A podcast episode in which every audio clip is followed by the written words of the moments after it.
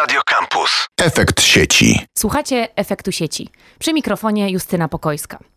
Czy zastanawialiście się kiedyś nad tym, ile ton, czy też ile kilogramów elektrośmieci produkujemy jako społeczeństwo? No ja dotarłam do takich danych, które mówią o tym, że każdego roku Europejczycy produkują ponad 8 milionów ton zużytego sprzętu elektronicznego, a na świecie jest to ponad 50 milionów, więc skala przerobu komputerów i różnych gadżetów jest naprawdę ogromna. No i powstaje pytanie, czy coś z tymi zużytymi komputerami, sprzętami i różnymi akcesoriami technologicznymi można dalej zrobić? Co da się odzyskać i do czego to wykorzystać? I o tym porozmawiam dziś z naszym znakomitym gościem, a jest nim pan profesor Wojciech Hyk, chemik e, z Centrum Nauk Biologiczno-Chemicznych Uniwersytetu Warszawskiego, kierownik projektu GreenMed. Dzień dobry, panie profesorze. Dzień dobry, dzień dobry, dziękuję za zaproszenie.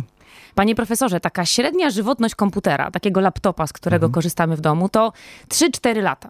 I potem taki sprzęt ląduje najczęściej na śmietniku. Co można odzyskać, czy też do czego jeszcze może nam się przydać taki komputer, który nam już do pracy użyteczny nie jest? Dokładnie tak. To jest, e, to jest bardzo dobry przykład, bo, bo wszyscy tak e, jest, stykamy się z tym sprzętem, z teleinformatycznym ogólnie i taki sprzęt zużyty, wiemy dlaczego on się zużywa. On się zużywa dlatego, że tak naprawdę jest bardzo wiele czynników, które powodują to zużycie. Nie tylko to jest zużycie materiałowe, też to jest często zużycie software'owe. Ale to jest inny aspekt, o tym e, moglibyśmy tutaj też niezależnie porozmawiać. No ale przychodzi taki czas, że chcemy się z tym sprzętem e, rozstać w taki czy inny sposób. Widzimy coś bardziej e, kuszącego, coś, coś nowszego. I wtedy taki sprzęt generalnie trafia w miejsca, w których komputer przestaje być komputerem, a staje się zespołem elementów, z których został zbudowany. I ten twór pod, pod nazwą komputer, czy telefon, smartfon, czy inne urządzenie, tak naprawdę można widzieć jako zbiór powtarzających się podobnych, podobnych elementów, z których został stworzony. I są to tworzywa sztuczne, między innymi, i cały zestaw bardzo różnych metali, stopów metali, oraz y, oczywiście ważną częścią, jeśli mówimy o komputerach, również nie metale, półprzewodniki. No i z tego punktu widzenia, z tego punktu widzenia, jeśli tak spojrzymy na taki, na taki sprzęt, czy na niechciany element y, użytkowy, to widzimy, że jest to rezerwuar pewnej, pewnych surowców. No i z takiego punktu widzenia, to zauważono już mm, jakiś czas temu, wcześniej, może stanowić potencjalne, bardzo dobre źródło właśnie tych surowców do ponownego ich wykorzystania, do stworzenia analogicznego, nieco oczywiście wyższej klasy, często, często szybszego, bardziej efektywnego urządzenia, ale już, że tak powiem, w odnowionej, w odnowionej wersji. Natomiast to, co, co go buduje, jest tak naprawdę surowcem do, do tego do procesu realizacji, czyli nowego nowej, jak gdyby nowego tchnienia życia w, ten, w, ten, w tego typu wyrób użytkowy. Także y, tak to ogólnie można powiedzieć. Y, ogólnie powiedzieć, no jak, jak to się dzieje, o tym pewnie będziemy za chwilkę rozmawiać. Natomiast y, na początku warto sobie zdawać sprawę, że przedmioty elektroniczne, elektrotechniczne, które nas otaczają, to tak naprawdę potencjalne rezerwuary, nawet nie potencjalne, teraz już tak naprawdę faktyczne rezerwuary surowców, które można wykorzystać ponownie do stworzenia analogicznego urządzenia, jak również innych, które, które y, wykorzystują analogiczne y, materiały. Także to jest taka, można powiedzieć, taki, taki punkt bazowy, wstępny. Tak, w Państwa projekcie, z tego co wyczytałam, odzyskujecie Państwo metale nieżelazne i szlachetne. Mhm. My średnio zużywamy 17 milionów komputerów rocznie. To są takie statystyki, mhm. może nawet nadmiernie optymistyczne. Licząc, że każdy komputer to jakieś 2 kg, 3 kg.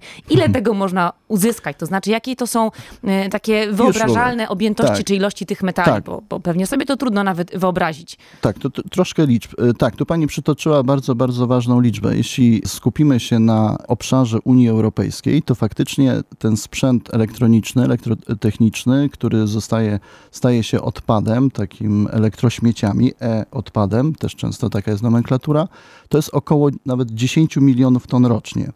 Troszkę statystyki. To, co średnio w, w Europie udaje się, to jest y, odzysk na poziomie około 30%, czyli można powiedzieć tak, około 1 trzecią tych surowców, o których wspomniałem na początku, udaje się w Unii Europejskiej średnio odzyskać, czyli na nowo jak gdyby mieć do dyspozycji te surowce, z których one zostały te, e, te urządzenia stworzone.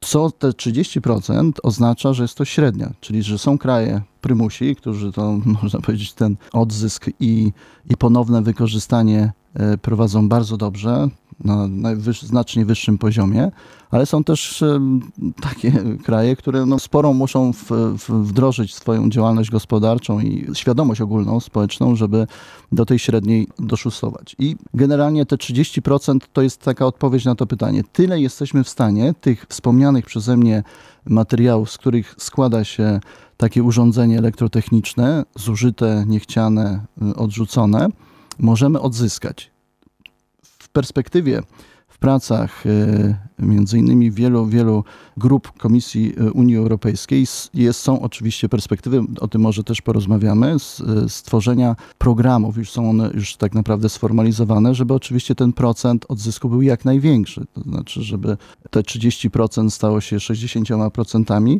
a nawet są w perspektywie dalszej są założenia, aby całkowicie tą gospodarkę surowcową oprzeć na tym obiegu zamkniętym, o którym może również porozmawiamy.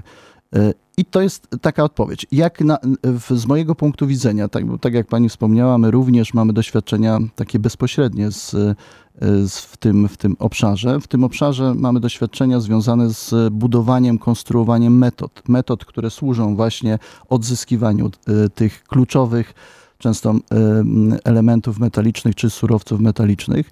My skupiamy się, czy prace, które dotychczas robiliśmy, skupiały się na takich metalach, konkretnie z nazwy jak srebro, miedź, który jest przy okazji. I to wszystko jest w komputerach na przykład? Tak, oczywiście, tak. To wszystko jest w komputerach. Nazwijmy wobec tego może te metale, tak. To jest miedź, bardzo można powiedzieć podstawowy element. Są elementy również, w których wykorzystane są, jest srebro. Są oczywiście pozłacane elementy, czyli złoto jest bardzo kuszący, że tak powiem, element i dla wielu można powiedzieć taka y, y, główna motywacja też y, wejścia w ten obszar. No i oczywiście luty, czyli takie stopy służące do, do prowadzenia czy do połączeń, tak mówiąc ogólnie, utworzone z cyny i tak naprawdę z cyny tylko i bizmutu tam w niewielkich, niewielkich ilościach, ponieważ jeszcze dawniej, tam powiedzmy do, do 2005 roku, pojawiały się w tych lutach cynowych również ołów. I to są takie, można powiedzieć, taka baza metaliczna, jeśli chodzi o e, wsad, czyli to, to e, sedno funkcjonowania takiego urządzenia. Natomiast jest, są jeszcze metale, które, e, które tworzą obudowy, czyli są to aluminium, na przykład bardzo, że tak powiem, istotny metal.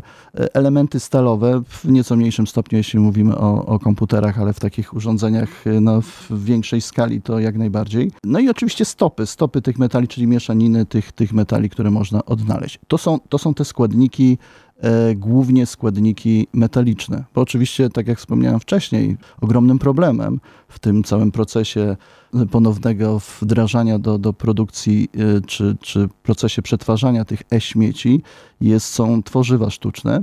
No i też elementy te niemetaliczne, czyli, czyli krzem. My w tym projekcie GreenMed jesteśmy skupieni właśnie, jak nazwa wskazuje, na odzyskiwaniu metalicznej tej części, a to słowo green e, sugeruje, że mm, budujemy czy próbujemy opracować metody, które są w tym obszarze takiej zielonej chemii, czyli e, Dodatkowo jeszcze nie chcemy tą samą metodą tworzyć nowych odpadów, e, czy nie chcemy szkodzić środowisku, no bo przetworzenie to jest krótkie słowo, natomiast z przetworzeniem związany jest pewien proces, proces przetwórczy, który, no, mm, wiadomo, wykorzystuje pewne materiały dodatkowe i z tych materiałów oczywiście możemy uzyskać to, co, o co nam chodzi, ale przy okazji możemy środowisko ponownie czymś, tak, czymś y, wzbogacić, w cudzysłowie oczywiście negatywnie. E, więc e, to green ma e, tutaj w naszym laboratorium znaczenie bardzo ważne. To znaczy te nasze metody, które publikujemy, czy które przedstawiamy, rzeszy osób, które mogą potencjalnie wykorzystywać, również w zgłoszeniach patentowych, wykorzystują takie, takie procesy, które nie generują dodatkowych szkodliwych odpadów i no tak można powiedzieć językiem takim obecnie dość modnym, są ekoprzyjazne, tak, są ekoprzyjazne. To uchylając trochę rąbka tajemnicy, mhm. gdyby pan profesor zechciał powiedzieć, jak wygląda taki proces odzyskiwania Jasne. tych metali mhm. i skąd na przykład biorą państwo sprzęt? Bo rozumiem, że nie Jasne. chodzą państwo po um, wysypiskach czy też skupach takiego tak. sprzętu i zbierają te, te laptopy, czy ktoś Dokładnie, dostarcza? Tak. Jak to wygląda? Jak to wygląda? Projekty, które my realizujemy, są projekty, które są tak naprawdę to moje zainteresowanie tą tematyką, tym obszarem związane było z pewną potrzebą czy z kontaktami z podmiotami gospodarczymi. To znaczy, to tak naprawdę zostało zainicjowane przez zewnętrzny świat. My często e, w uniwersytecie, zwłaszcza w tym, może w tym obszarze właśnie nauk, e, nauk ścisłych, jesteśmy tak zamknięci w jak gdyby swoim świecie, budując pewne modele, pewne, poznając pewne zjawiska, tworząc nowe materiały i później e, to myślenie się już zmienia oczywiście i później oczekuje się, że to ktoś z zewnątrz będzie, że tak powiem, myślał nad tym, jak można wykorzystać to, to znalezisko w takim, można powiedzieć, tej świątyni dumania. Natomiast obecnie chyba powinno być, i to w wielu krajach jest to ewidentne, ta interakcja ze światem zewnętrznym powinna być znacznie pełniejsza, a nawet często no, często, a nawet w wielu przypadkach, to również jest zauważone w naszym, w naszym e, kraju, e, te problemy do rozwiązania powinny być inicjowane, czy powinny pochodzić bezpośrednio z życia gospodarczego czy społecznego. I tak też było tutaj.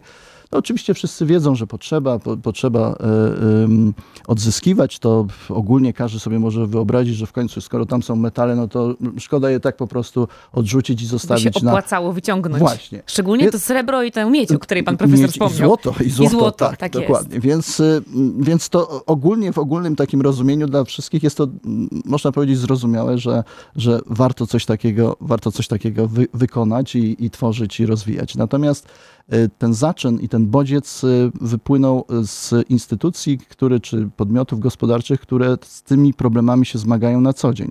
To znaczy tych y, firmach czy tych zakładach produkcyjnych, przetwórczych, no, narastały, można powiedzieć, te ilości tych, tego sprzętu stawały się coraz większe, tak że gromadzenie ich było coraz mniej opłacalne.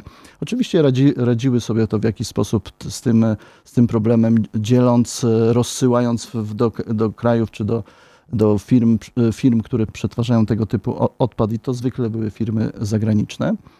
Ale w pewnym momencie zauważyły, że to jest chyba nie ten, nie ten kierunek, przynajmniej niektórzy taką świadomość zdobyli, że to jest nie ten kierunek, warto zostawić to dobro u nas. No ale do tego potrzebne są nowe technologie, nowe metody, nowe sposoby myślenia, które pozwolą no, z tego zbiorowiska, o którym na, na samym początku powiedziałem, wyłuskać te istotne, często ważne, ważne, krytyczne materiały. No i tak to się zaczęło, jeśli chodzi o projekt GreenMed, czyli ten materiał, czy ten można powiedzieć wsad, obiekty do naszych badań pochodziły bezpośrednio od firm, z którymi współpracowaliśmy i realizowaliśmy ten, właśnie realizujemy e, te projekty aplikacyjne.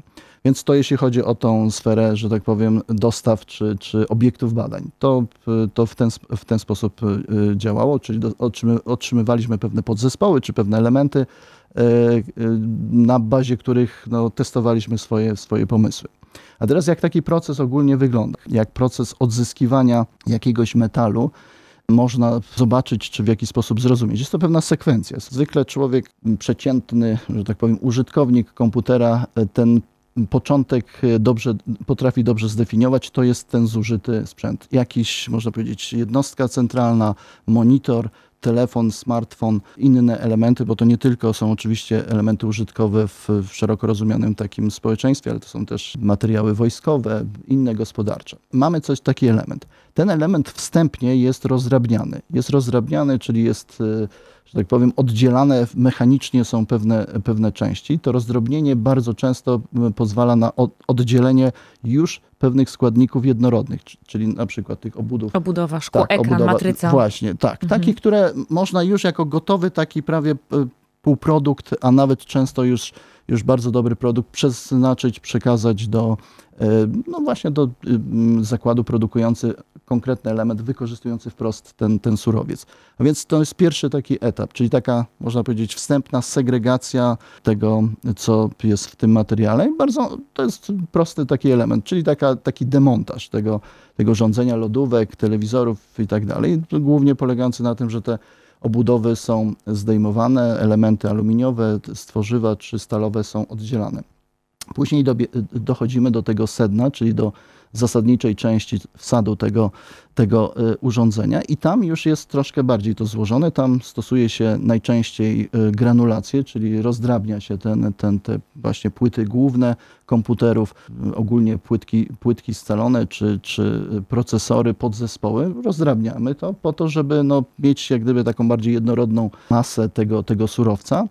No i to, to rozdrabnianie ma też na celu, przynajmniej na wstępny, wstępnym etapie, fizycznymi metodami oddzielić tworzywo sztuczne. Czyli zabawa w kopciuszka. Tak, tak. I to robią to oczywiście automatycznie, dobrze, automaty, robi się to automatycznie, są to bardzo dobrze rozpoznane metody i w, w naszym kraju nieźle funkcjonujące. Ten rozdział taki fizyczny, wykorzystujący mechaniczną, taką, czy pneumatyczne metody, czy właśnie elektromagnetyczne, czy magnetyczne, wykorzystujące pewne właściwości. Ale to jest takie makroskopowe rozdzielenie tej mieszaniny metali na te, które można rzeczywiście z tak prostymi metodami fizycznymi rozdzielić. Pozostaje pewna część tego, tego odpadu, bardzo często taka niejednorodna, która jest e, z, złożona z różnych metali, tam jeszcze jest fragment tworzywa, no i to jest właśnie ten najważniejszy, można powiedzieć, element, bo tam często zawarte są te najbardziej krytyczne metale, najbardziej kuszące cenne, te, tak, i cenne metale, jak właśnie szlachetne metale, ale też metale e, ziem rzadkich, albo takie, które, które mm, należą do tej grupy metali nieżelaznych, a ich znaczenie jest bardzo ważne, jak obecnie na przykład realizowany przez nas projekt, tym razem Green Team, to jest mm, projekt, w którym w którym staramy się pokazać, jak z tych właśnie tych odpadów, od odpadów można odzyskać metal, który jest bardzo ważny gospodarczo, czyli cynę. E, on był bardzo trudny do takiego rozdzielania tymi metodami wstępnymi, czy, czy e, mechanicznymi, czy fizycznymi. On zawsze zostawiał, zostawał w takim, można powiedzieć, tym odpadzie, którym nie wiadomo, co, e, czy co, co można byłoby zrobić.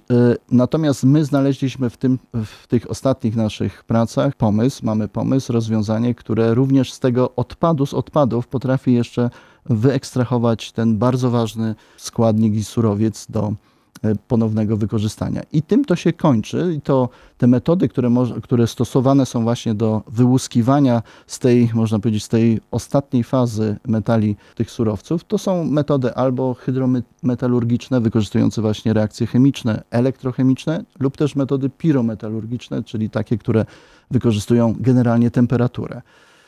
Czyli stapiamy ten, ten, ten produkt końcowy i e, różnymi bardzo ciekawymi rozwiązaniami e, można rozdzielić temperaturowo również te, te metale. E, my tej akurat tej, tych rozwiązań nie stosujemy, głównie jesteśmy właśnie w tym, tej sferze chemicznej tutaj mocno zaangażowani. No i tak pokrótce to wygląda.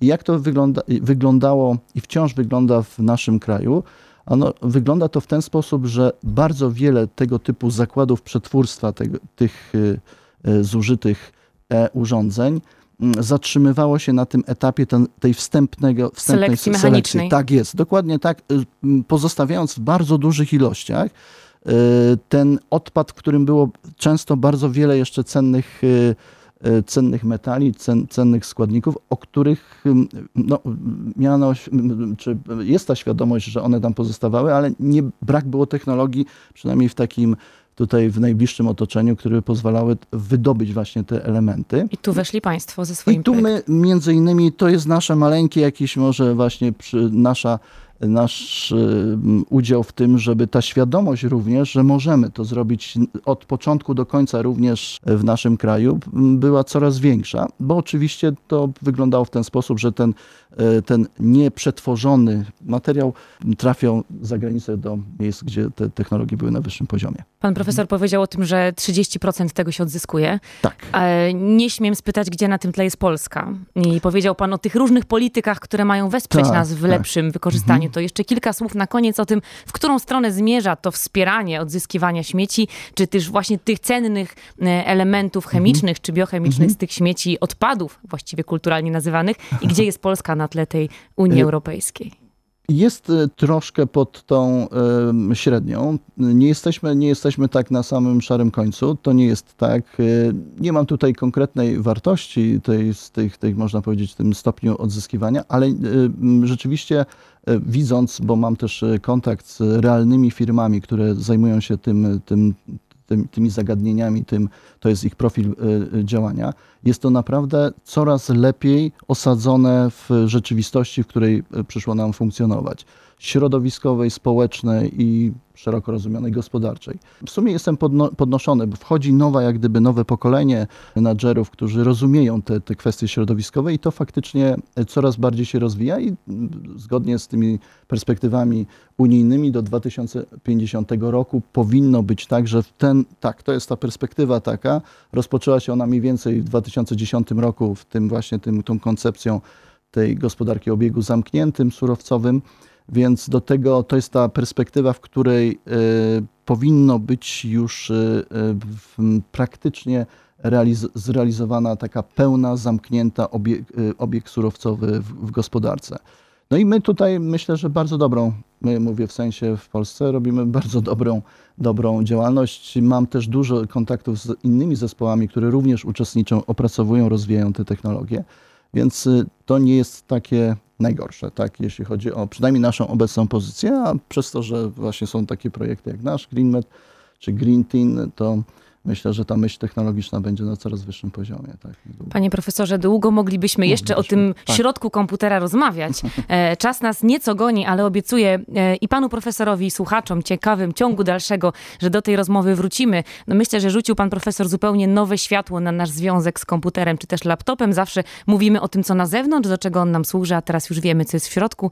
No żebyśmy może za bardzo intensywnie nie wnikali tam samodzielnie, bo zapewne potrzeba mieć odpowiednie narzędzia i metody do tego, żeby odzyskiwać złoto, srebro i mieć z naszych e, laptopów. E, bardzo dziękuję za tę rozmowę. Naszym gościem był dzisiaj pan profesor Wojciech Hyk e, z Centrum Nauk Biologiczno-Chemicznych, kierownik projektu GreenMed, o którym kilka słów udało nam się dzisiaj powiedzieć. Dziękuję panie profesorze za to spotkanie. Dziękuję bardzo, dziękuję za zaproszenie. A my oczywiście wrócimy do tego tematu, a tymczasem słyszymy się w kolejnym odcinku Efektu Sieci.